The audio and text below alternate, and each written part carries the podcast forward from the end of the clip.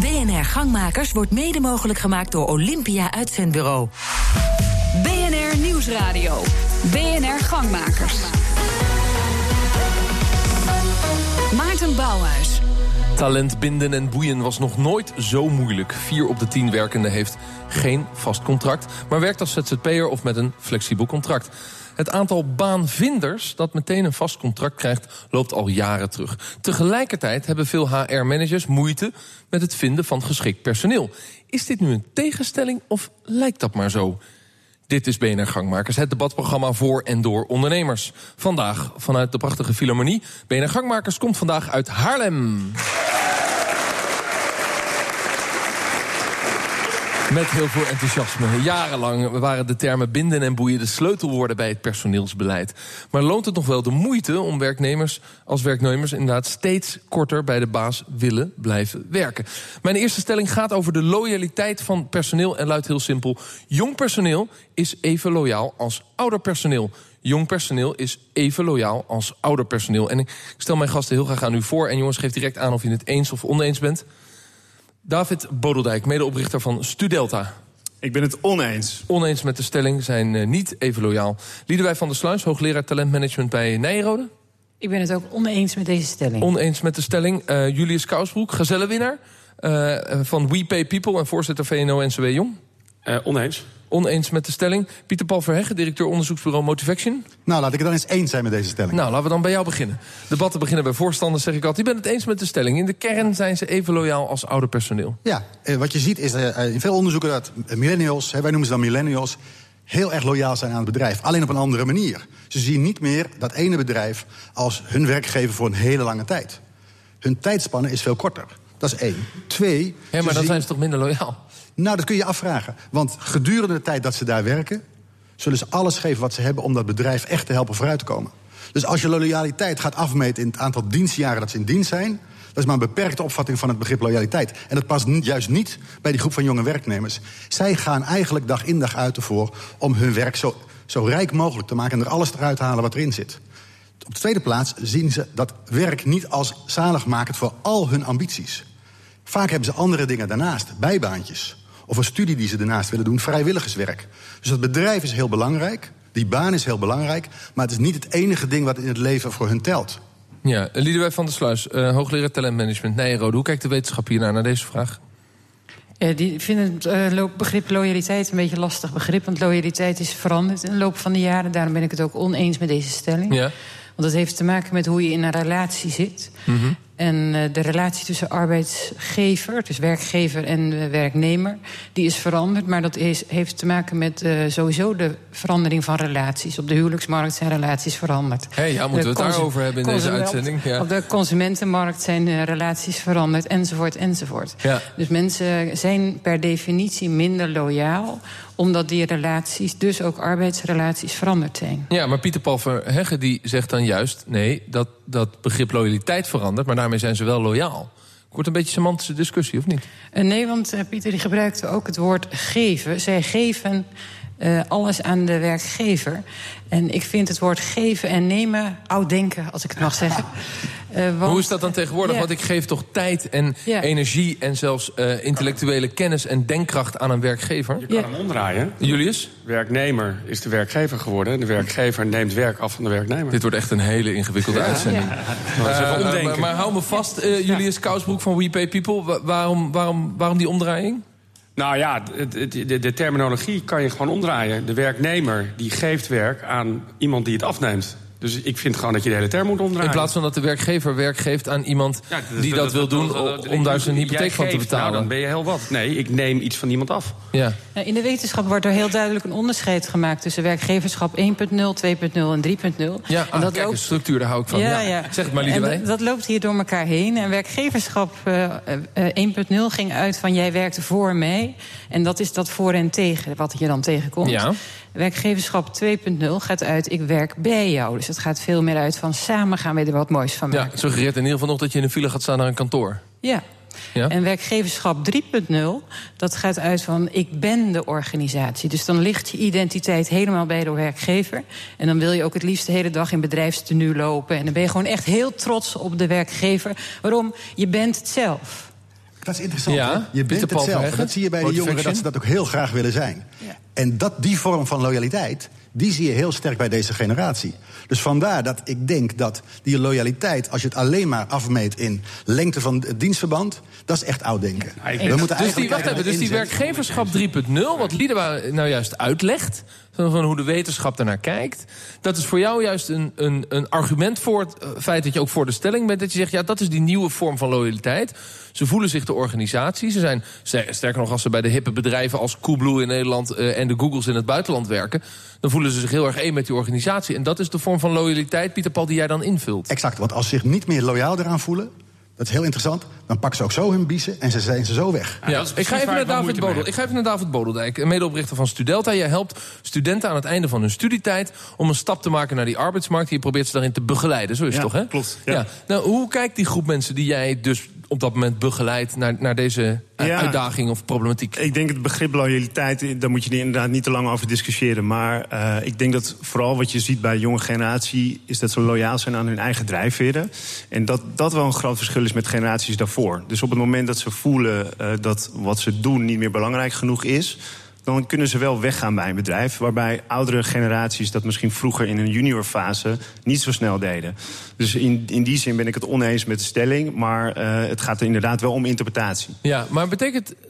Kun je het ook omdraaien? De, mensen die jij begeleidt, die dan op een gegeven moment bij werkgever komen... en dan na drie maanden bij jou komen of een half jaar... zeggen, dit, dit hier, ik moet hier weg. Ja. Dan is het dus die vluchtige millennial, die gaat dan weg. Ja, je zou ook het advies kunnen geven van... joh, blijf er nou minimaal twee jaar zitten. Dat is gezond, dat, dat hoort erbij. Dat moet jij nog leren. Jouw generatie moet dat nog leren. Maar dat is echt wel Als je het zo zegt, dan gaat het wel mis, denk ik. Uh, want je moet niet te belerend doen. maar inderdaad, ik ben het met je eens. Geduld is heel belangrijk. En dat, dat kan die generatie nog wel wat meer hebben. Uh, maar ik denk dat je als bedrijf of als intermediair wel de verantwoordelijkheid hebt om van tevoren goed te kijken: passen we bij elkaar? Is die werkgever-werknemerrelatie, los van de discussie van de inhoud van het woord, maar past die bij elkaar? Passen de drijfveren bij elkaar en, en kun je zo starten met elkaar? Maar moesten we dat in werkgeverschap, Julius Kousbroek? Nou, ik vind wel dat er een minimale, of minimale, dat is dan die twee jaar. Maar ik, als ondernemer investeer je in nieuwe mensen. Ja. En dan moet je, moet je gewoon de tijd nemen om te kijken of dat slaagt. Zeker in kleinere ondernemingen, en daar komen er alleen maar meer van. Uh, dus ik zou wel zeggen van een, een, een goede periode moet toch wel tussen de drie en de zes jaar liggen, vind ik eerlijk Het begint wel oh, bij die goede selectie. Maar als je dat hebt gedaan, dan denk ik dat je absoluut uh, een langere periode... Maar dan zou het wel zonde zijn als je een jaar lang naar elkaar hebt gesnuffeld... en je hebt mekaars uh, rolplek en, en drive gezien... Ja. Dan, dan is het wel fijn om nog twee jaar daar minimaal van door te kunnen. Jullie, is dat is natuurlijk de reden dat we dit debat ook voeren. Dat je zegt, ja, ga ik nou in ze investeren of niet? Nou, als ik ze heb dus, wel moeite mee. Als ze dus moeilijk, als ze dus weinig loyaal zijn, gewoon letterlijk in tijd... en ze zeggen na twee jaar, ik ben weg, waarom zou je dan anders, investeren? Dus niet weg vanwege dat ze ons niet leuk vinden... maar bijvoorbeeld ook weg omdat ze zeggen... ja, nee, maar ik had toch een wereldreis die ik wilde maken. Ja, of ja, ik krijg ergens anders 500 euro meer. Nou ja, dat, uh, dat is overigens niet de grootste drijver. Maar dat is interessant. Ja, de kenmerk van deze generatie is dat ze veel meer pannetjes op het vuur hebben. Ze komen niet alleen voor die ene baan, maar ze hebben daarnaast die wereldreis. Ze willen een studie doen, ze willen vrijwilligerswerk doen. En ik denk dat het, als we het over oud en nieuw denken hebben... het oud denken is dat wij als werkgevers kunnen bepalen dat drie jaar de gemiddelde tijd moet zijn om hun te laten wennen aan die baan en dat ze doorzettingsvermogen uh, moeten tonen om die baan uh, waardig te maar zijn. Maar deze jonge hersenen hebben geen drie jaar nodig? Deze jonge hersenen zijn zeer bedreven in zelf uh, aangeven dat ze in korte tijd iets kunnen doen. Vergeet niet, deze generatie die na 1980 geboren is, is de eerste generatie die op school leerde met projecten te werken. Projecten die in zes weken afgerond werden die leren dat iets heel een korte ja, tijd. Wat wij tegenwoordig agile en scrum noemen, dat doen zij eigenlijk al een hele leven. zij geleerd. Laatste vraag aan, aan Liedewij. Kijken werkgevers er ook um, anders naar als het gaat over die investeringskeuze? En denk ja, als ik die millennials heb, moet, moet ik daar ook anders mee omgaan dan mijn oude personeel? Ja, het begrip passend wordt hier een aantal keren genoemd. Van, we moeten toch echt zoeken naar mensen die bij onze organisatie passen. En die uh, hetzelfde denken en die we ook weer iets kunnen bieden... op basis van wat zij van ons willen krijgen. Uh, maar dat is 2.0 denken. Dat 3.0 denken, dat is juist denken uh, over de vraag... willen wij hetzelfde betekenen voor deze maatschappij? Hebben wij dezelfde behoefte om impact te hebben op onze omgeving... waar dat dan ook is? Dus dan wil je met elkaar hetzelfde doen. En dan kom je wel je bed uit, ook als je millennial bent. Ja, straks, eh, het heet met een streng woord retentiebeleid. Maar wat moet je doen als mensen willen vertrekken en jij wilt ze houden? BNR Nieuwsradio. BNR Gangmakers. Mijn naam is Maarten Bouwhuis. Als werkgever doe je je best om talentvol personeel aan je te verbinden. Je weet dat de eerste periode natuurlijk een investering is. Het kost geld. Pas na een tijdje gaan de medewerkers geld ook opleveren. Heel vervelend natuurlijk als die medewerkers dan heel snel hun biezen pakken. We praten door over de uitdaging met uh, jonge mensen op de arbeidsmarkt... en de vraag hoe je ze op de beste manier kunt eh, binden. Hier in BNR Gangmakers in Haarlem. Tweede stelling, als werkgever kun je en moet je uitstroom voorkomen. Als werkgever kun je en moet je uitstroom voorkomen. Ben je het eens of oneens met de stelling David Bodeldijk, medeoprichter van Studelta? Het zijn eigenlijk twee stellingen. Dus ja. Uh, ja, het is lastig. Maar ik zou zeggen, moeten absoluut niet. Dus oneens. Oneens. Julius Kousbroek, We Pay People. En overigens winnaar van een uh, FD Gazelle deze week. Ja, gisteren, dankjewel. Uh, nummertje 1, een categorie groot, dus dat is weer mooi. Ik uh, ben het, uh, moet ik wel even de, de stelling weer opnieuw. Ja, precies, als werk je bent helemaal ondersteboven uh, van. Als werkgever kun je en moet je uitstroom voorkomen. Ja, daar ben ik heel erg mee eens. Uh, je hebt geen keuze. Zo okay. simpel is het. Okay. Liedewij van der Sluis, hoogleraar talentmanagement uh, bij Nijenrode. Ik haak even aan op het woordje kun. Dus als werkgever kun je uitstroom voorkomen. Daar ben ik het van harte mee eens. Ja, dat, dat kan ook. Dat is ook mogelijk. Jazeker. Als je maar genoeg betaalt. Nee, op een andere manier. Oh, oké. Okay, ja. okay. uh, Pieter Paul Verhegen, directeur onderzoeksbureau Motivaction. Ik benader vanuit werkgeversperspectief. Als ik kijk naar onze onderzoeken, dan zie je dat alle werkgevers het heel belangrijk vinden. En ook tot zekere hoogte er zeer goed in staat in zijn. Juist, oké. Okay. Nou, interessant debat. En ik heb het hier in de zaal tijdens de uh, commercial break ook eventjes gevraagd. Het publiek is echt verdeeld. Half-half gingen de handen omhoog en naar beneden. Dus uh, ik tref jullie ook bij de interruptiemicrofoon om mee te praten in dit uh, debat. David, je zegt nee, dat, dat gaat helemaal niet die uitstroom voorkomen. Ja, het is moeten, daar ben ik het niet mee eens. Ik denk dat je dat niet uh, kosten, wat het kost, moet voorkomen. Uh, ik denk dus dat je het wel kunt voorkomen. Dus daarom uh, ook dubbel. Ja. Nou, ja, laten we, naar, de, laten we naar die dubbele laag, laten we naar die dubbele laag kijken. Ja. Um, wat is de. Heb je een soort termijn waarin je zegt van ja, als, als iemand binnen drie jaar weggaat, dan moet je echt alles eraan doen om te zorgen dat je hem tegenhoudt? Ik vind het lastig om een termijn aan te koppelen. Maar ik denk dat je, uh, als je kijkt naar werknemer-werkgever... daar heel veel over in gesprek moet zijn. En als je elkaar uh, meer kunt bieden, een andere plek kunt bieden... ontwikkeling kunt bieden, dat geldt voor beide partijen... dan kun je uh, heel lang met elkaar doorgaan. Als je op een gegeven moment tot de conclusie komt dat het niet meer kan... en niet meer werkt... En betekent dat ook dat dat gesprek een, een continu gesprek moet zijn? Wat mij betreft wel, ja, absoluut. Is dat wekelijks of maandelijks? Dat je dan tegen elkaar zegt, ben je nog blij, wil je nog bij me blijven? Ik denk dat feedback voor elkaar heel belangrijk is. En wekelijks uh, klinkt wat veel, maar in kleine vorm kan het best wel. Ja. Uh, en... Ik heb het wel eens meegemaakt dat je zo'n mailtje krijgt van een medewerker. Nou ja, ik ga weg. Ja. En, en dan komt er twee weken later een mailtje. Uh, de baas heeft toch een nieuw aanbod gedaan, ik blijf. Ja. Maar dat, het is echt waar. Maar dat, en, en wat dat, doet het met jou? Nou ja, ik dacht alleen maar, uh, blijkbaar zijn we daar niet continu over in gesprek geweest. Ja, ja klopt. Ja, soms verlies je het contact met elkaar, de dialoog met elkaar. En het, het vooral op één lijn zijn met elkaars uh, doelen. Uh, dus, dus echt de omgeving en de persoon, individu zelf, dat moet passen. Het kan heel lang passen, maar dan moet je wel blijven checken met elkaar. Dat is Dames en heren luisteraars, dit gesprek gaat niet over uw huwelijk. Dit gaat over de relatie werkgevers-werknemers. Eigenlijk wel. Het is interessant, het lijkt ook af en toe wel een, een, een huwelijk. Weet je, de jongere generaties die hebben meer behoefte aan feedback. Ik denk dat dat het toverwoord is wat je net zei. Ze willen eerder en vaker feedback krijgen op hoe doen ze het.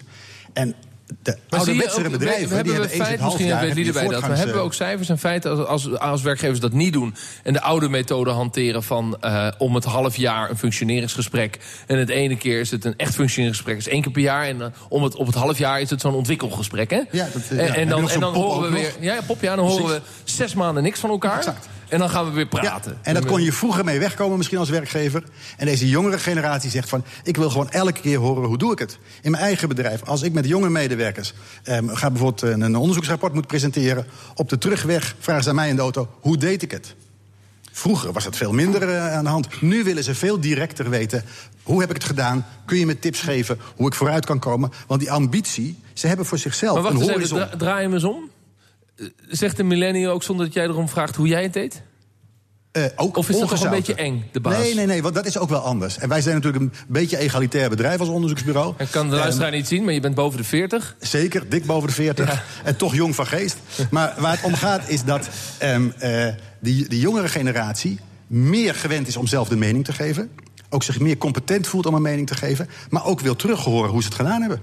En niet tot en met dat popgesprek in dus, de zomer. Uh, conclusie, we moeten met ze in gesprek blijven. En, en, en dat is de manier om te weten van... gaat het huwelijk met elkaar nog de goede kant op? Terug naar de stelling. Als werkgever kun je, moet je uitstroom uh, voorkomen. Julius, is dat dan de methode om uitstroom te voorkomen? Uh, of, nou ja, zijn er nou, die, nog... die uitstroom voorkomen is natuurlijk een continue zoektocht. Dat heet ook innovatie in een hele snelle veranderende arbeidsmarkt. Je ziet ook dat daarom heel veel intermediairs op de arbeidsmarkt actief zijn. En dat is ook goed, hè, in zekere zin. Uh, maar, intermediairs ja, nou, zijn mensen die mensen bij bedrijf weghalen die bemiddelen, en, nou, en ja, weer ergens anders neerzetten. Ja, nou ja, goed, het is niet altijd positief. Maar er zijn wel veel partijen daarop actief. Dus het is een feit dat dat kennelijk een toegevoegde waarde voor bedrijven heeft. Ja, nou, mijn vrouw is een willekeurige marketeer. Die krijgt elke week aanbiedingen. Nou elke week. Uh, dat is dan aan haar om daarop in te gaan. Maar, uh, of niet. Um, kijk, je kan niet anders dan het voorkomen. Maar dat wil niet zeggen dat je altijd op de juiste knoppen drukt. Ik zeg ook wel eens, ja, het is een beetje reclame maken. Op het moment dat jij in een reclamebudget zit... en je gaat in de krant of iets dergelijks... ja, je weet eigenlijk niet wat het oplevert als je ermee stopt.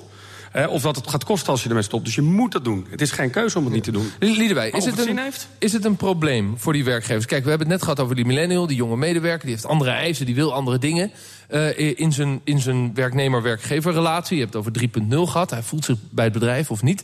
Maar nu uiteindelijk, hij zit bij dat bedrijf, hij krijgt een salaris. En misschien heeft hij nog wel een baan, maar goed, we hebben het even over dat primaire bedrijf waar hij werkt. Hoe moet die werkgever nou zorgen dat hij dat hij niet te snel weggaat? Of moet die werkgever zeggen, nou ja, dan ga je toch na 2,5 jaar... je komt misschien over 7, 7 jaar wel weer terug. Ja.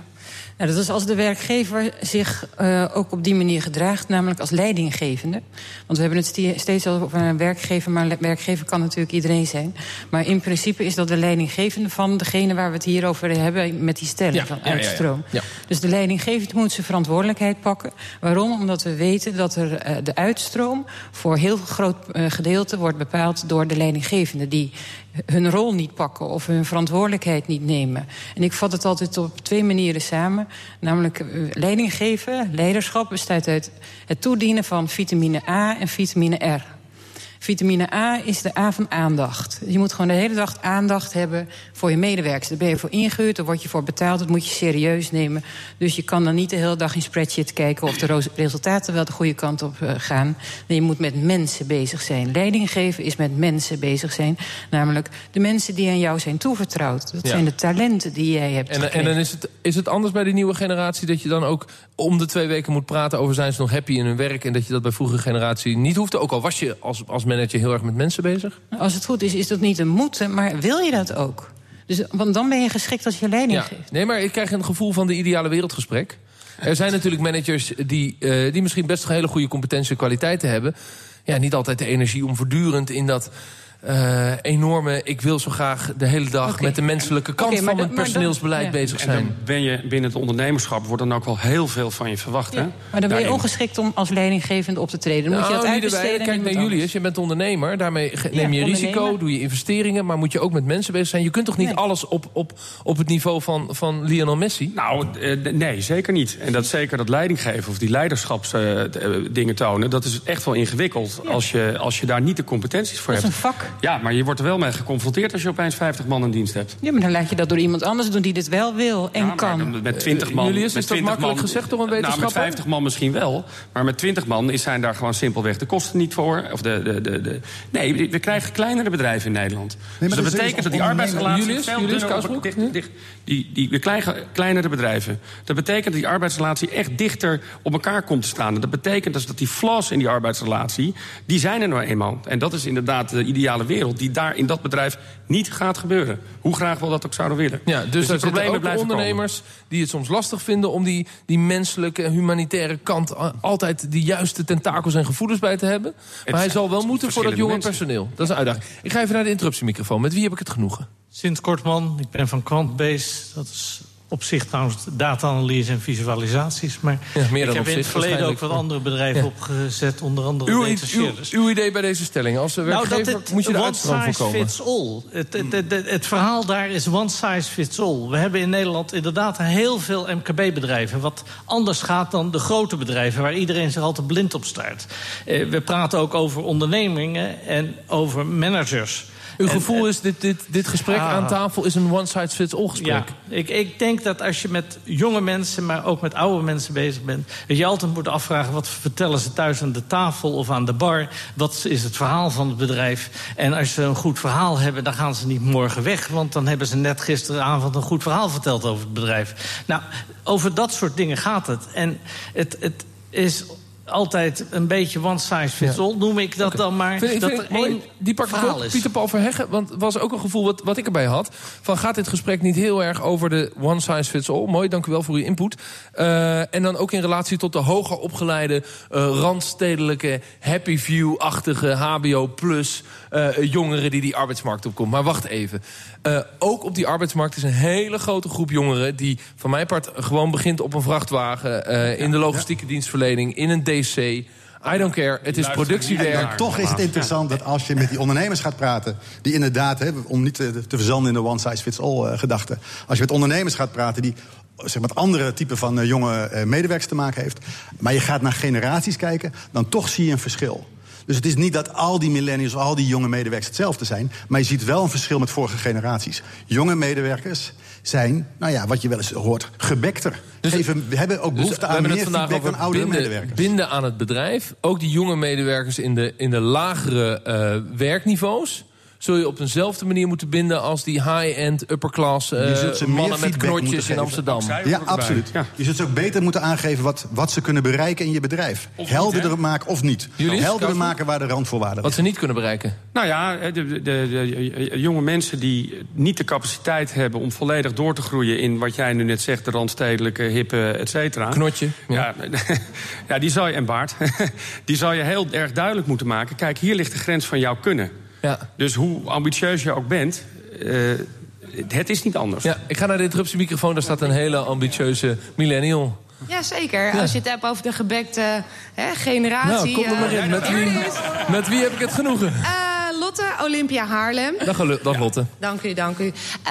Um, weet je, waar, waar, het gewoon om gaat, is gewoon... eigenlijk komt het gewoon neer op de basis. Je moet gewoon vragen van... Hé, je kan wel zeggen van, nou ja, vroeger en nu en bla bla... Wat heb je nodig? Mensen worden gebekter, mensen hebben veel meer informatie, mensen zijn anders en dat weten ze ook. Wat heb je nodig? De een die blijft gewoon... Nee, die zegt van nee, ja, ik wil lekker 60 jaar in hetzelfde bedrijf werken. Prima. En de ander zegt van nee, ik wil, hè, ik wil mezelf ontwikkelen. Gewoon puur vragen, wat heeft diegene Denk je dat je altijd het eerlijke antwoord krijgt... als jij iemand tegenover je hebt zitten die je gaat helpen met, met een nieuwe job? Dat is een andere taak, weet je. Maar als jij gewoon vraagt en gewoon aandacht geeft aan je personeel... en het niet zegt over nee, maar vroeger dit en later dat. Nee, gewoon wat heb jij nodig? Waar, hoe kan ik ervoor zorgen dat jij in mijn bedrijf blijft? Ja. Dat is interessant. Dan wordt het maatwerk, David Bodeldijk. Dat roept natuurlijk de vraag op. Begeleid je ook studenten die die arbeidsmarkt opgaan... en die zeggen, ik, ik zoek een werkgever uh, waar ik... nou ja, uh, lang kan blijven, want mijn meisje... en we willen een hypotheek en dan hebben we een vast contract nodig... en uh, ik wil een mooi leventje opbouwen. Hier Haarlem Noord, leuk wijkje, jaren 30 huis. En ik heb die vaste baan nodig, David. Ja, selectie gaat over, wat mij betreft... over eh, selectie op drijfveer en persoonlijkheid. Er is nog een mooi boekje van Ralf Knechtmans onlangs uitgekomen daarover. En dat gaat niet over dit soort praktische dingen als een nou, hypotheek? Waar het om gaat, denk ik, is dat je dus met elkaar daarover in gesprek gaat. En als er iemand op gesprek komt of iemand zoekt dat... dan moet je daar de juiste match bij vinden. En dan met elkaar starten en in gesprek blijven. Maar de eenvoudige vraag is, komt het, kom je het wel eens tegen? Iemand die zegt, ik zoek dat vaste contract? Ja, dat kom ik zeker tegen. Ja, absoluut. Dat, dat, bestaat nog, is niet ja. uitgestorven. Interruptiemicrofoon, kruip lekker dicht in de microfoon. Met wie heb het genoegen? Adriaan Kolf van uh, Business Talent Network. Daar gaat ik, uh, ik had eigenlijk een vraagje waar ik nog wat uh, op wou voorbouwen van, van, van jou, Julius. Je zei toen je in de organisatie met 20 man was toen had je eigenlijk geen tijd om die aandacht te geven. Omdat ja, weet je, de onderneming groeide zo snel. Nou, dat, dat is, het, is een kwestie van, het kan een kwestie van tijd zijn, maar het kan ook een kwestie van ook talent zijn. Ik, ik, ik weet niet waar mijn talenten precies liggen, maar ik weet wel dat er, waar, waar ik niet goed in ben. En misschien dat was niet, is niet mijn sterkste kant. En nu met 50 man kan je dat dus gewoon door een kwestie van geld en budget kan je dat veel beter inrichten. Maar heb, heb jij niet meegemaakt dan juist doordat je zo met die andere dingen bezig was... dat ze aan de achterkant weer eruit liepen? Waardoor ja, je eigenlijk is er, is er met golven tegelijk. Ja, het is echt heel erg. Dus jij hebt een maar het is een fact of life. doordat je niet met de mensen in dialoog bent geweest? Ja, dat je... kan je, kijk, dat is natuurlijk wel leuk om die schuldvraag uh, nee, hier nee, bij mij te krijgt hier de vraag. maar ik, het is nou niet, helemaal... niet zeuren, je bent gezellig, het gaat goed met je. Nee, dat is waar. Maar als je naar de foto's kijkt in 2011 naar het personeelsbestand... en nu, dan denk je, jezus, er zijn gewoon 70% is er niet meer. En, en met die conclusie sluiten we deze gangmakers af. Ik dank mijn gasten bij de interruptiemicrofoon. En zeker hier aan tafel, dankjewel jongens, voor het mooie gesprek. Dit was BNR Gangmakers. Volg ons op Twitter, BNR Gangmakers. En luister natuurlijk de uitzendingen terug via bnr.nl. Het was mijn groot genoegen. Wij eh, treffen elkaar weer volgende week woensdag om 7 uur. Tot volgende week. Dag. BNR Gangmakers wordt mede mogelijk gemaakt door Olympia Uitzendbureau.